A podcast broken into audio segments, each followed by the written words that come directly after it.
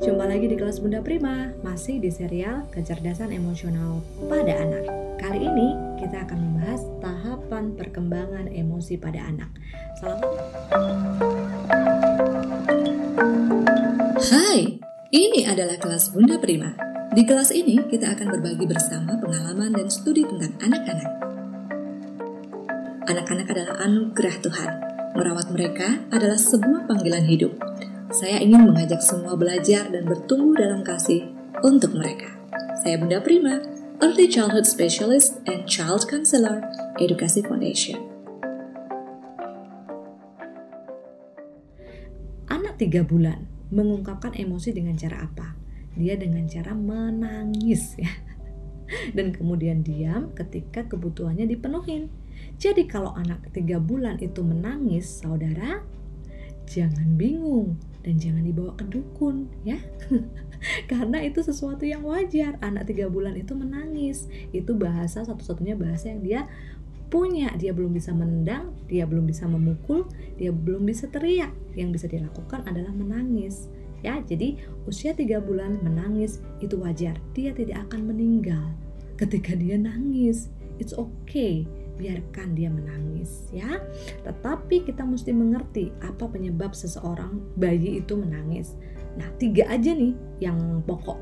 Yang pertama dia lapar, yang kedua dia sakit, yang ketiga dia pengen dipeluk atau membutuhkan orang ya karena dia lagi membentuk attachment perlekatan ya membentuk me, me, membutuhkan orang yang paling dekat dengan dia untuk dekat atau menggendongnya tiga. Jadi selidikin ya.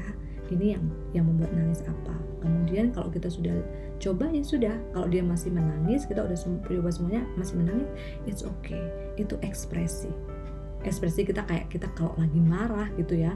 Setelah selesai marahnya kan enggak langsung mm, selesai gitu langsung ketawa. Tapi kita masih ngedumel dulu atau masih masih kasak kusuk gini dulu. Nah it's okay. Bayi juga alamin itu tiga bulan enam bulan itu dia sudah mulai enjoy dan tidak enjoy bermain dengan orang yang dekat dengan dia. Nah, kalau dia sama orang yang dekat dia, dia enjoy banget ya menikmati ya, dia menyenangi itu, dia sudah bisa mengekspresikan ya ketawa dikit-dikit gitu. Tapi kalau dia nggak enjoy dengan orang itu, dia mulai uh, mengekspresikan sebaliknya ya. Itu enam bulan. Kalau sembilan bulan, dia bisa uh, sudah menggunakan tubuhnya untuk bergerak atau menolak ketika tidak mau menggunakan tangannya, menggunakan kakinya, kadang uh, meneriakkan suaranya lantang begitu ya untuk uh, menunjukkan ketidaksetujuannya. Kemudian usia 12 bulan dia mulai menjadi egosentris. Jadi anak umur satu tahun bermain dan tidak mau berbagi itu wajar jangan dibilang anak ini tidak tahu diri atau anak ini egois banget. No yang egois adalah kita karena kita nggak mau belajar tentang anak-anak ya kan? Jadi kalau anak satu tahun dan dia egosentrik itu sesuatu yang wajar ya? Tidak tidak perlu kita marahin tapi yang perlu kita lakukan adalah kita rawat kita bisa kasih tahu sama dia oh adik masih mau mainan ini. Kalau adik mau mainan ini adik bilang sama temennya aku masih mau mainan ini atau bilang si mainan ini. Gitu ya. Atau adik bilang sama ibu masih mau mainan ini. Nanti ibu yang bilang sama temennya. Nah kita belajarin cara tapi nggak usah nggak usah memaksa dia untuk berbagi. Itu belum waktunya. Dan anak yang tidak penuh pada waktunya kebutuhannya dia untuk uh, memenuhi dirinya itu nggak penuh maka dia akan penuhi dia di level yang selanjutnya. Nah itu yang bahaya. Anak 5 SD merebut mainan temannya itu kan bahaya. Kenapa? Karena waktu kecil dia nggak penuh. Apa yang dia butuhkan security uh, keamanan security dalam dirinya dia tidak terpenuhi gitu. Jadi oke okay ya anak 12 bulan anak satu tahun itu sangat egosentrik it's okay Kemudian anak 2 tahun itu biasanya selalu minta perhatian dari orang dewasa ya. Perhatikan aku, selalu ngomong, "Ma, lihat, Ma. Ma, lihat, Ma. Pa, lihat, Pa. Pa, lihat, Pa. Sini, Pa. Sini, Pa." Nah, itu juga wajar. Jangan bilang anakku ini nakal banget loh. Gak bisa mandiri. Ya, yeah, kan anaknya belum kuliah. Jadi it's okay, ini baru 2 tahun. Baru 2 tahun hidup di dunia gitu it's okay nggak masalah Nah, kemudian mereka juga mulai mengembangkan emosi yang berwujud perilaku namanya tantrum, temper tantrum. Tantrum, ya gulung-gulung kalau keinginannya tidak dipenuhi itu juga wajar dan hampir semua anak mengalami itu. Ada anak yang tidak mengalami tapi itu persentasenya sedikit sekali, kecil sekali, malah mungkin jarang. Ya, atau tidak ada gitu. Karena semua anak mengalami itu. Itu fase. Tidak apa-apa biarkan kita perlu rawat dan kasih tahu aja. Adik kalau mau gulung-gulung silahkan tapi itu tidak akan mengubah mengubah ibu atau bapak tidak akan. Biasanya kalau anak-anak anak saya dulu tantrum dia sebentar periode tantrumnya itu hanya sebentar ya. Saya pasti akan diem aja sambil senyum saya tungguin. Sudah gitu. Belum aku masih mau ini ya. Aku aku jatuh loh ya. Oke silahkan kalau mau jatuh nanti aku bantu. Tapi aku mau teriak loh ya.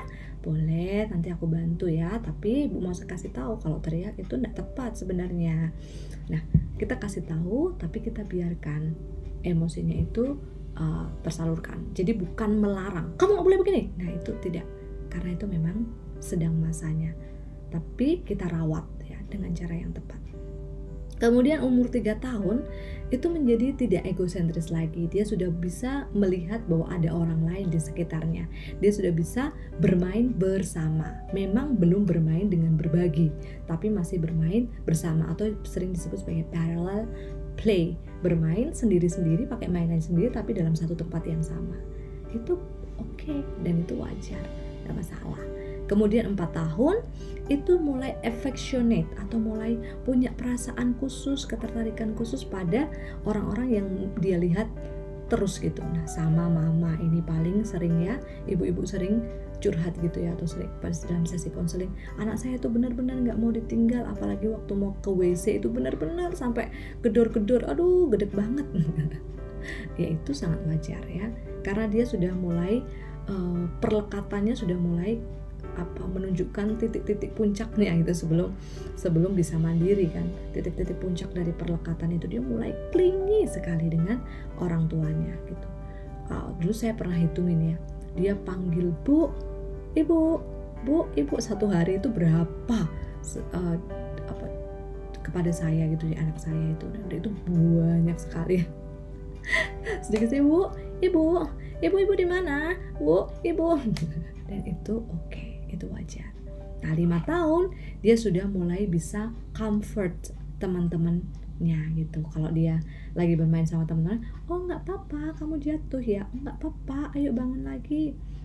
Terus misalnya ada yang bertikai teman-temannya, oh tunggu tunggu tunggu, yuk kita mulai lagi yuk, kita bagi dengan rata ya. Nah dia mulai bisa membuat strategi-strategi untuk meredakan konflik itu di usia lima tahun. Dia mulai bisa berbagi, eh ini mainanku, ya udah aku kasih kamu dikit ya. Nah dia bisa mulai itu. Ini waktunya. Ketika step-step emosional tadi dari awal dia dipenuhi maka pada waktunya dia bisa melakukannya dengan tepat. Ini tentang uh, stages of emotional development atau perkembangan tata perkembangan emosional pada anak ya. Semoga ini menolong. Thank you. Kita ketemu lagi di serial yang lain kecerdasan emosional pada anak. God bless you